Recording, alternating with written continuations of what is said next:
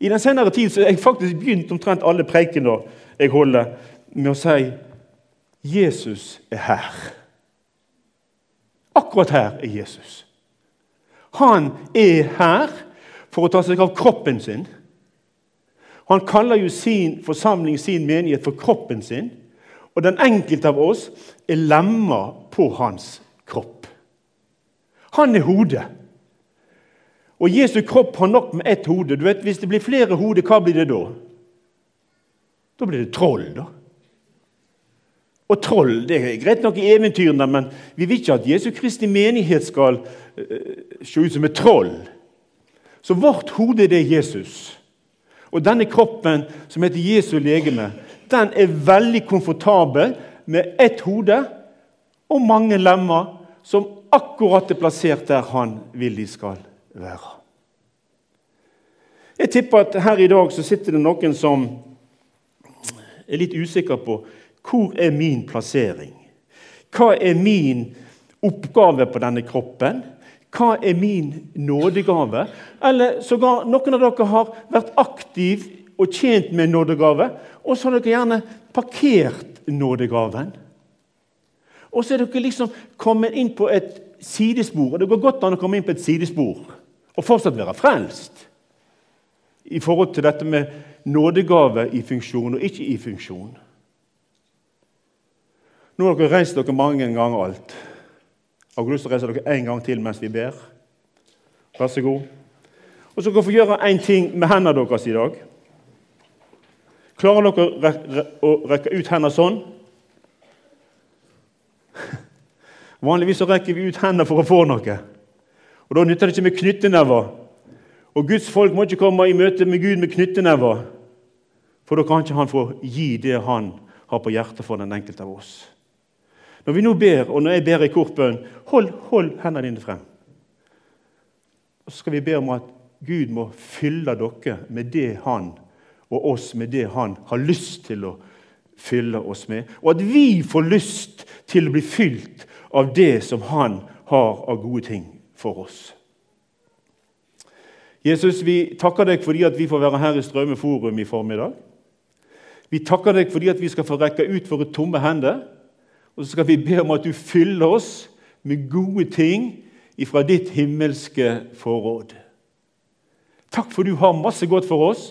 Og takk for du er òg i stand til å gjøre oss mottagelige og villige til å ta imot det du har for den enkelte av oss.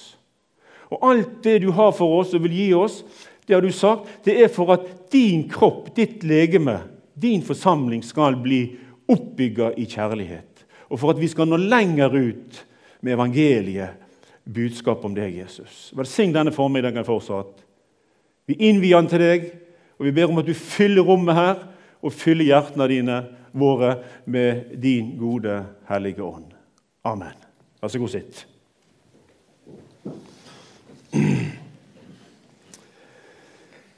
De åndelige gaver, altså nådegavene. Og Jeg har fått oppgitt et tema i dag. Jeg hadde mest sannsynligvis ikke berørt dette temaet i dag hvis ikke jeg hadde blitt beordra. Dere skal jo ha en serie her i høst, og det syns jeg er veldig bra. Prisverdig. Eh, og Det som ble gitt som en overskritt overskrift for mitt vedkommende her i dag å forstå gavene. Å forstå gavene. Da var det første som slo ned i meg, at bibelforståelse gir gaveforståelse. Er du med? Bibelforståelse gir gaveforståelse.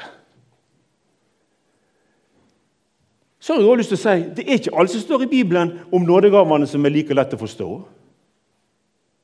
Jeg har tidvis i livet vært veldig frimodig på forkynnelsen som går på nådegavene.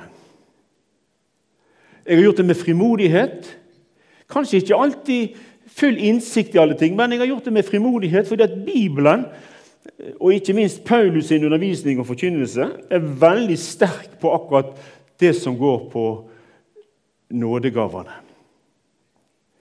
Opp gjennom tidene, kanskje i bedehussammenhengen, så, så har det vært litt sånn negativt fokus på dette begrepet de åndelige gaver og nådegaver. Og så har det blitt hengt på et sånt, litt sånn fyord karismatikk. Og det har ofte vært et sånt skummelt, litt negativt ladeord. Og det er litt trist. Jeg tror det har vært med og gjort det vanskelig å forvanske bedehusfolkets forhold til nemlig akkurat de åndelige gaver og nådegavene. Så jeg har bare lyst til å si til oss her i formiddag vær frimodig. Ta til deg det Gud har for deg, og når det gjelder de åndelige gaver. Og de åndelige gaver er ikke bare for gamlinger, folkens. Hvis du leser Bibelen, så ser du at Gud brukte veldig ofte unge mennesker. Uerfarne, veldig uerfarne. Og han planta gaver ned i dem, og de virka gode ting for han. De var unge, og de var uerfarne på mange områder. Men Gud visste at gjennom disse unge menneskene kan jeg bygge mitt rike, kan jeg formidle Guds ord og evangeliet til nye mennesker. Opplevelsen av gavene kan til tider overskygge hensikten. Jeg, jeg husker jo i min ungdom jeg var med på mange heftige ting når det gjaldt nådegavene. Vi lo og vi skapte oss, og vi var ganske rare. Vi opplevde en beruselse, vil jeg kalle det, som følge av at Guds ånd berørte oss og virka i oss på en sånn måte at vi ble litt overstadig. Og noen som kanskje var i lag med oss og ikke helt forsto seg på dette, de syntes vi var kjemperare, litt crazy. Ok, vi kan få en god opplevelse av at nådegavene er i bruk. Men det er ikke opplevelsen vi skal søke, det er hensikten. Og hensikten igjen, som jeg alt har sagt, det er at Jesu Kristi kropp, Jesu Kristi menighet, skal bli oppbygga i kjærlighet. Så altså erfaring, som jeg etter hvert har litt av etter å ha levd et relativt langt liv, det gir praktisk eh, gaveforståelse på godt og vondt. Jeg bruker litt tid innledningsvis på dette. Ehm, jeg har ikke bare positive opplevelser av å være i fellesskap der nådegavene på ulike nivå har vært i bruk. Jeg har òg negative erfaringer. Negative erfaringer av den art at noen ble veldig dominerende. De ble så dominerende at de fortrengte alle andre gaver. Og noen ble der at hvis det ikke var tungetale i et møte, så var ikke det noe møte. Og Noen var der at hvis ikke de kunne slippe til med et såkalt profetisk budskap i et møte, da var møtet fullstendig fiasko. Altså Det ble, det ble noen sånne tvangstanker, og det, det, det skapte ikke frihet i fellesskapet. Så når vi tenker og taler om de åndelige gaver og nådegavene, så må vi òg tenke og forstå at eh, Det er utfordrende å få til en nådegave, eller flere. Og det er utfordrende og til tider krevende å praktisere disse gavene. For det skal skje med sømmelighet og orden. Ja, det skal gå greit for seg. For det skal ikke skade. Nei, det skal hjelpe, og det skal bygge opp. Før jeg går videre, så har jeg bare lyst til å si at den største nådegaven er frelsen i Jesus Kristus. Se på han, ja, det gjør vi virkelig. og de som ser han, og får sett han og blir sett av han, de stråler av glede. Så salmen sier. Romerbrevet kapittel 6 og vers 23.: For syndens lønn er døden, men Guds nådegave er evig liv i Kristus Jesus. Nådegavene, altså de åndelige gavene, har alltid og alle har sin rot fra nådegaven Jesus. Det er han som er opphavet, og han som er giveren. Nådegaveforståelse og nådegavebevissthet. Nå hører dere det at jeg er en eh, predikant som ikke har uh, bildet på veggen. Det hender jeg har, men ikke i dag. I dag får dere det på den gamle ortodokse måten. Jeg håper dere kan henge med litt til. Det er en som har sagt det slik Når vi virker, i kraft av våre nådegaver, gjør vi gjerne mindre, men mere av de rette tingene. Hørte du det? En gang til. Når vi virker i kraft av våre nådegaver, gjør vi gjerne mindre, men mere av de rette tingene. Det står ganske mye om nådegavene i uh, Det nye testamentet. Og Paulus han er nådegaveunderviseren fremfor noen andre. Hvis du nå husker 1. Korinterbrev 12 og kapittel 14, så er det to veldig sentrale kapittel når det gjelder nådegavene. Men òg i Romerbrevet og i 12 og Efeserne 4 finner du veldig mye som går akkurat på de åndelige gavene. Jeg skal lese nå. Og jeg må jo si at dette temaet her jeg skal ikke si at det ikke egner seg i en sånn forsamling som vi er nå i formiddag, men det egner seg veldig bra i mindre grupper, i mindre fellesskap, der vi kan samtale mer, ha en dialog om det vi leser, og det som står her. Så det, så det anbefaler jeg. Det være seg i heimen, der dere ektefeller leser Bibelen i dag. Det være seg i bibelgrupper og smågrupper. Ikke bare dur igjennom, men eh, reflekter over det som står, og på den måten lær innholdet på den måten å kjenne, under bønn om at Den hellige ånd må veilede. Men nå, 1. Korinterbrev kapittel 12, og ifra vers 1 leser vi til og med vers 11 når det gjelder de åndelige gaver, søsken, vil jeg ikke at dere skal være uvitende. Altså, Uvitenhet er ikke noe dyd her, folkens. Dere vet at dere var selv hedninger, og dere ble dratt bort til disse stumme avgudene, uansett hvordan dere ble ledet. Derfor kunngjør jeg dere at ingen som taler i Guds ånd, sier 'forbannet være Jesus', og ingen kan si at Jesus er Herre uten i Den hellige ånd. Det er mange forskjellige Hører du det? Det er mange, og det er mange forskjellige nådegaver. Men ånden er den samme. Samme rot, altså. Det er mange forskjellige tjenester, men Herren er den samme.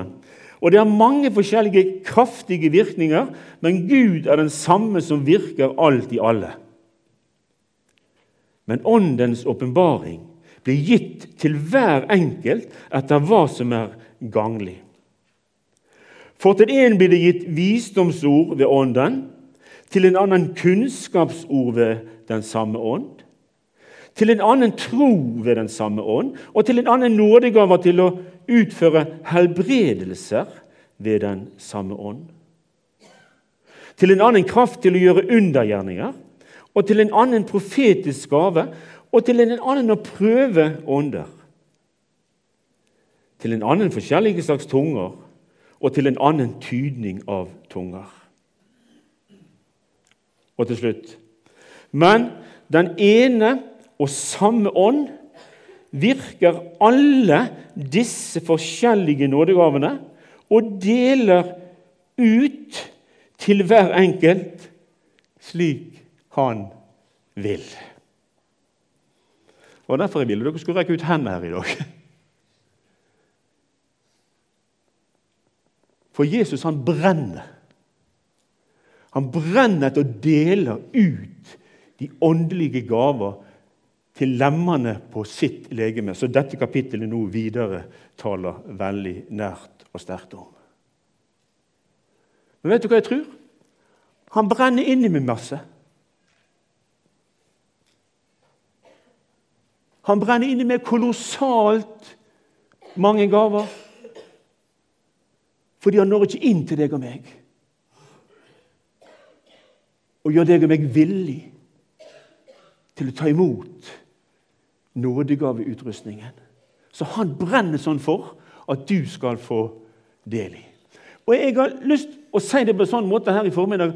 Jeg har lyst til å gjøre deg begjærlig begjærlig på å søke å bli fylt og bli bevisst hvilken nådegave eller nådegaver Jesus ønsker å plante i ditt liv. For det ønsker han virke, virkelig. Det står jo videre, og Dette bekrefter jo kapittel 14 her i 1. Korinterbrev. Når du leser begynnelsen her Jag etter kjærligheten og søk med med iver. Hva er det for noe? Søk med iver etter de åndelige gaver, slik at dere i større grad kan tale profetisk. Er det begrunna med? Igjen, hvordan bli nådegavebevisst? Jo, ved å lese Bibelen og lese om hva Bibelen sier om de åndelige eh, gaver lærer seg å skjønne forskjellen på åndens gaver og åndens frukter, som Paulus definerer i Galaterbrevet kapittel 5. Åndens frukter er forventa å finne hos alle troende, alle som er født på ny. Men de forskjellige nådegaver er alltid forskjellig utdelt. Og du er en supergod kristen og Jesu etterfølger fordi om ikke du taler i tunge. Fordi om du ikke har helbredelsens gave. Det var, jo, det, det var jo det som var liksom hovedfokus, i hvert fall i min ungdom. Det var helbredelsesgaven, og så var det tungetalsgave, og så var det ofte dette som ble definert som profetisk gave. Og så liksom Det andre som er da sagt og definert om nådegavene, det, det, det var ikke sånn i fokus. Les Bibelen. Søk svar på dette i fellesskapet. Be personlig bønn. Be i samtale med mennesker som du tror har innsikt i de bibelske sannheter om nådegavene, og be om at det må bli utløst i livet ditt. Og Nå må jeg få lov å si noe som var veldig mye, mye, mye skepsis til knytta for en del år tilbake. Dette med håndspåleggelse det er heldigvis blitt en, en oppmykning på. Det var noe pyton med denne koronaen. Fikk du ikke ta på folk. Jeg sa det på en del møter som jeg hadde rundt forbi, at jeg er uvant til å, å, be for folk og legge hendene på folk og, og be for mennesker. Det var, det var en kjip tid. Men nå har jeg begynt å ta dette opp igjen tar på folk, berører mennesker med hender. Håndspåleggelse. Leser du Apostlenes gjerninger? Ja, du leser de fra kapittel 6. Det er et uh, superkapittel som er midt inne i dette temaet. Les Apostlenes gjerninger minst én gang for året. Og Jeg vil påstå at Apostlenes gjerninger burde vært alminnelig forkynnelse gjennom et år i en kristen forsamling. For apostlenes gjerninger, eller Jesu Kristi gjerninger gjennom apostlene gir oss en retning og en pekepinn hvordan den åndelige dimensjonen og hvordan de åndelige gaver er tenkt fra Guds side og fungerer. Og Det er masse flotte eksempel på at ting ble løst ut. Vi har ikke tid å komme inn på det her i dag, men ting ble løst ut i menneskets liv ved at det ble lagt hender på dem, og så skjedde det gode ting. Mennesket ble fylt med Den hellige ånd, og mennesket ble utrusta. Så jeg har bare lyst til å si, enten du går ned på bilder, eller du er med i et kristen fellesskap eller i et småfellesskap Vær frimodig på dette med å be for hverandre med, med, med håndspåleggelse. På den måten kan gode ting løses ut i, i livene våre.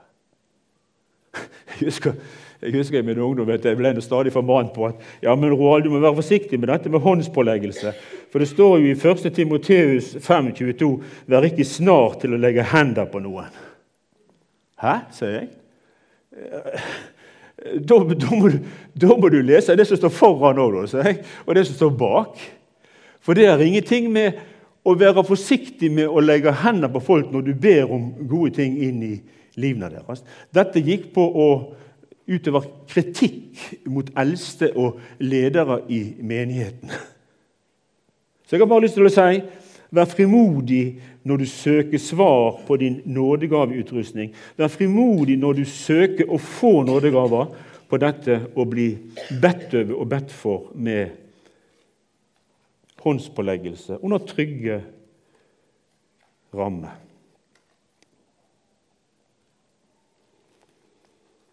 Nå snakker jeg meg helt tørr i munnen, folkens. Ja, det er ikke rart, sier du. Du er en tørr predikant.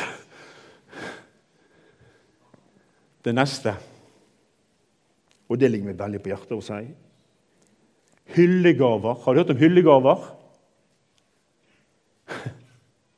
Det er av og til vi, vi sier nei, det og det og det har vi lagt på, på hylla.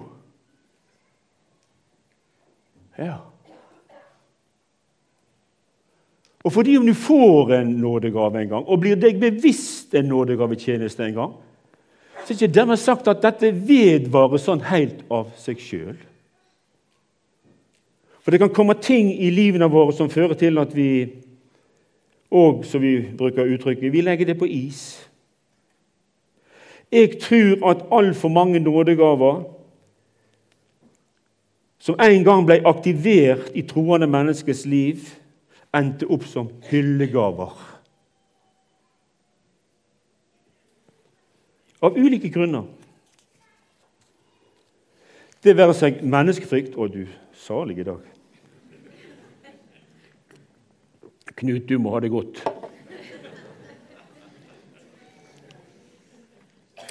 Menneskefrykt, kritikk Du ble ukjærlig møtt i fellesskapet ved bruken av din gave.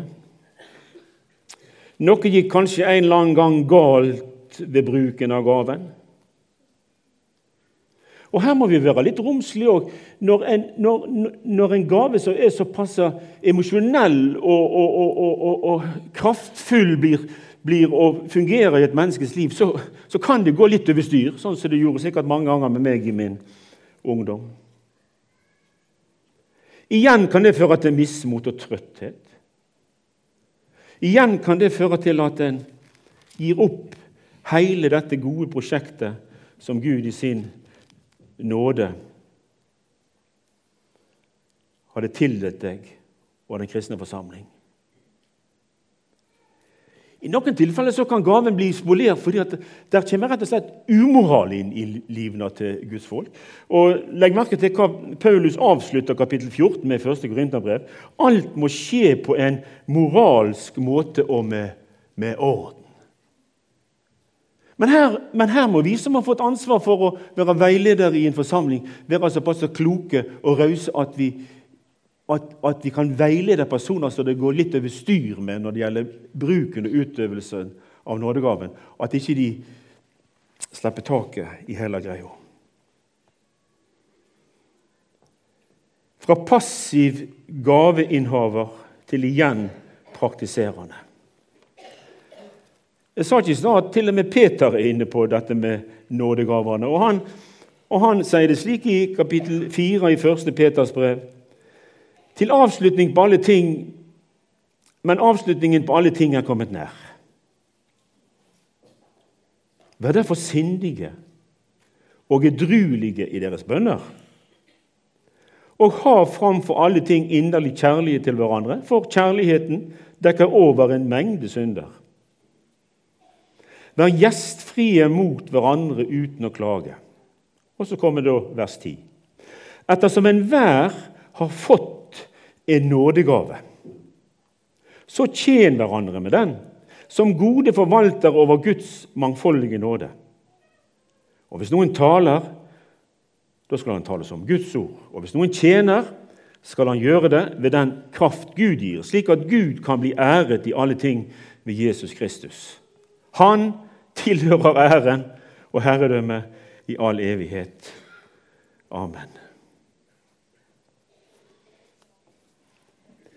Det er en som heter Vatsen. Er det noen av dere som har gått alfakurs? Det er òg et bra uh, unnskyld, konsept på å undervise om Den hellige ånds gjerning og, og, og, og nådegavene. Og Jeg lurer på om det er fra dette alfa-opplegget jeg har henta dette sitatet av Hanna Vatsen. Om Gud hadde utelatt eller tatt bort Den hellige ånd i urkirken, ville 90 av all virksomhet falt bort. Jøye meg. En gang til.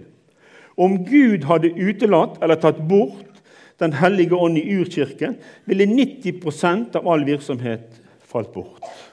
Og så kommer det alvorlige. Nå, nå må du lytte. I dag ville 90% av virksomheten fortsatt som om ingenting var hendt. Dette er skummelt. Er vi begynt å fungere på en måte der vi har gjort oss uavhengig av de åndelige nådegavene? Og så får vi det til å svive, og så får vi det til å gå rundt allikevel. Tilbake til Bibelen, tilbake til røttene, tilbake til, til den bibelske undervisning om nådegavebasert tjeneste. Og jeg tror det vil skape radikale endringer. Og gode forandringer. Jeg, jeg gikk og nynna på, på, en sang her. Nå skal jeg prøve å gå til avrunding. Virk med Hans nådegaver.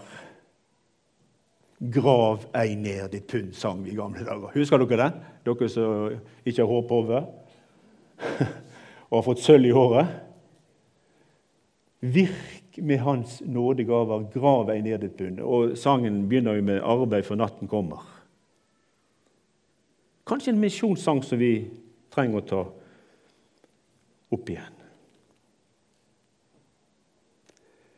Helt til slutt, En av mine gode kompiser i Det nye testamentet, og han var en god venn av Paulus, det er Timoteus. Han skal vi avslutte med. Det gikk ikke bare oppoverbakke med Timoteus. Han var godt utrusta. Han hadde sterke nådegaver og sto i en sterk tjeneste. Og tjusa han som fikk være tett på Paulus. For han, for han var ikke beskjeden, du. Han var ikke redd. Og taler fritt og praktiserer fritt nådegaven og nådegavens bruk. Og Her i 1. Timoteus kapittel 4 så formaner Paulus sin gode venn Timoteus.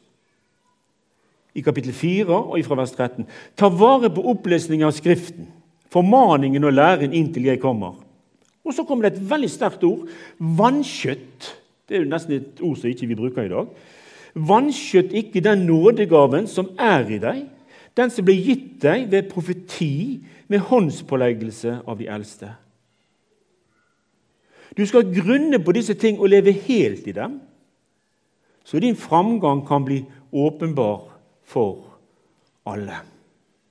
Gi nøye akt på deg selv og på læren. Fortsatt med det for når du gjør det, skal du frelse både deg selv og dem som hører deg. Du har vel ikke vanskjøtta nådegaven din, vel?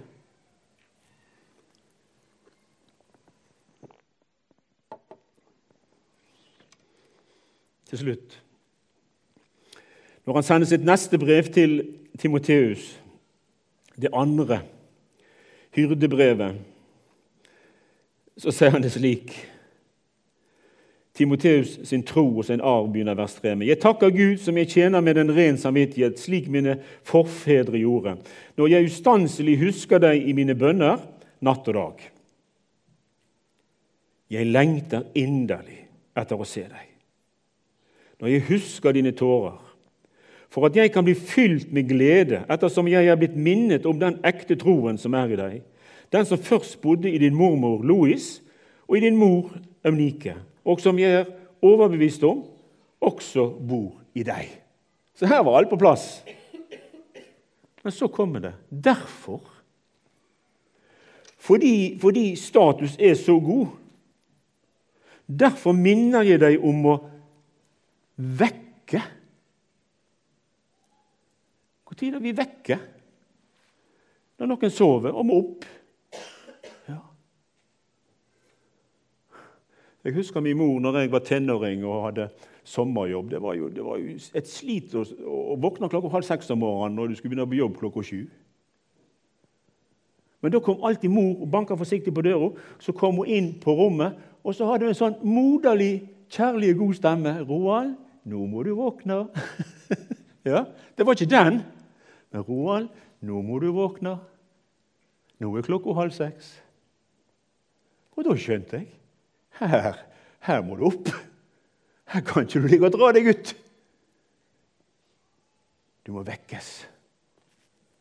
Derfor minner jeg deg om å vekke Guds nådegave til livet.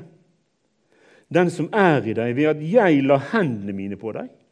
For Gud har ikke gitt oss motløshetens ånd, men kraftens og kjærlighetens og sindighetens ånd. Å forstå gavene.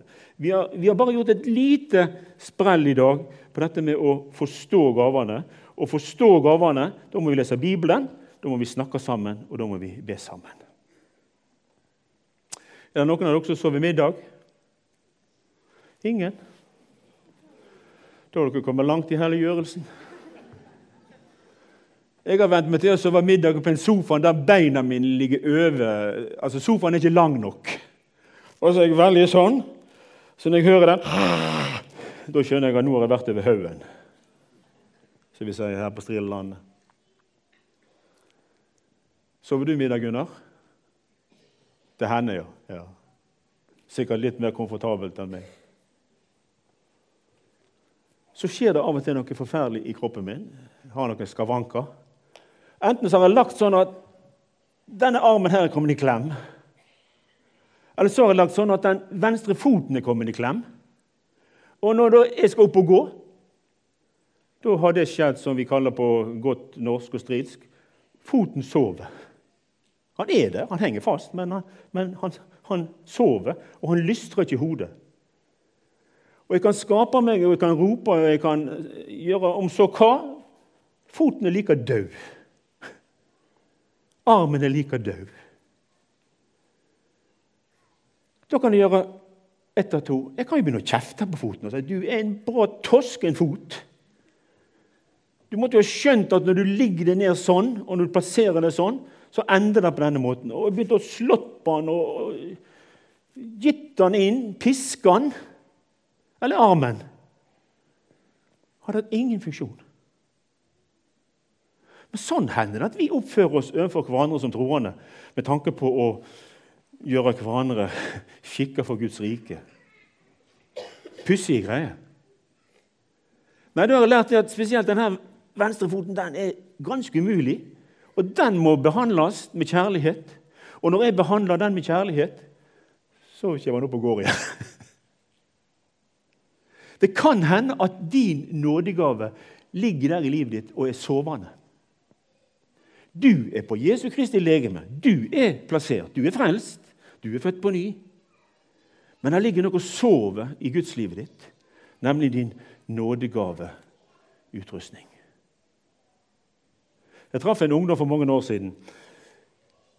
Og så sier han det at Jeg satt en kveld og så en film med forloveden min, og jeg satt sånn.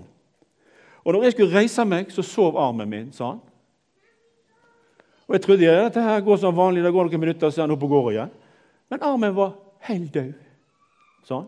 I et kvarter, i en halv time, i en time. Og da sa forloveden slutt, du må pelle deg til doktoren. Til doktoren? Hva vil doktoren si?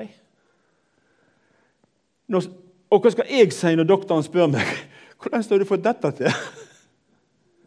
Og så gikk han til doktoren. Og han fikk hjelp. Han fikk armen i funksjon igjen.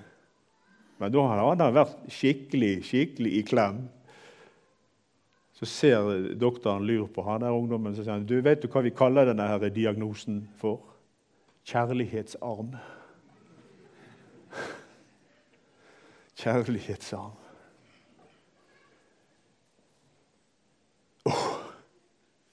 Det brenner i meg å få si til dere som sitter her i formiddag Be om lys over din nådegaveutrustning.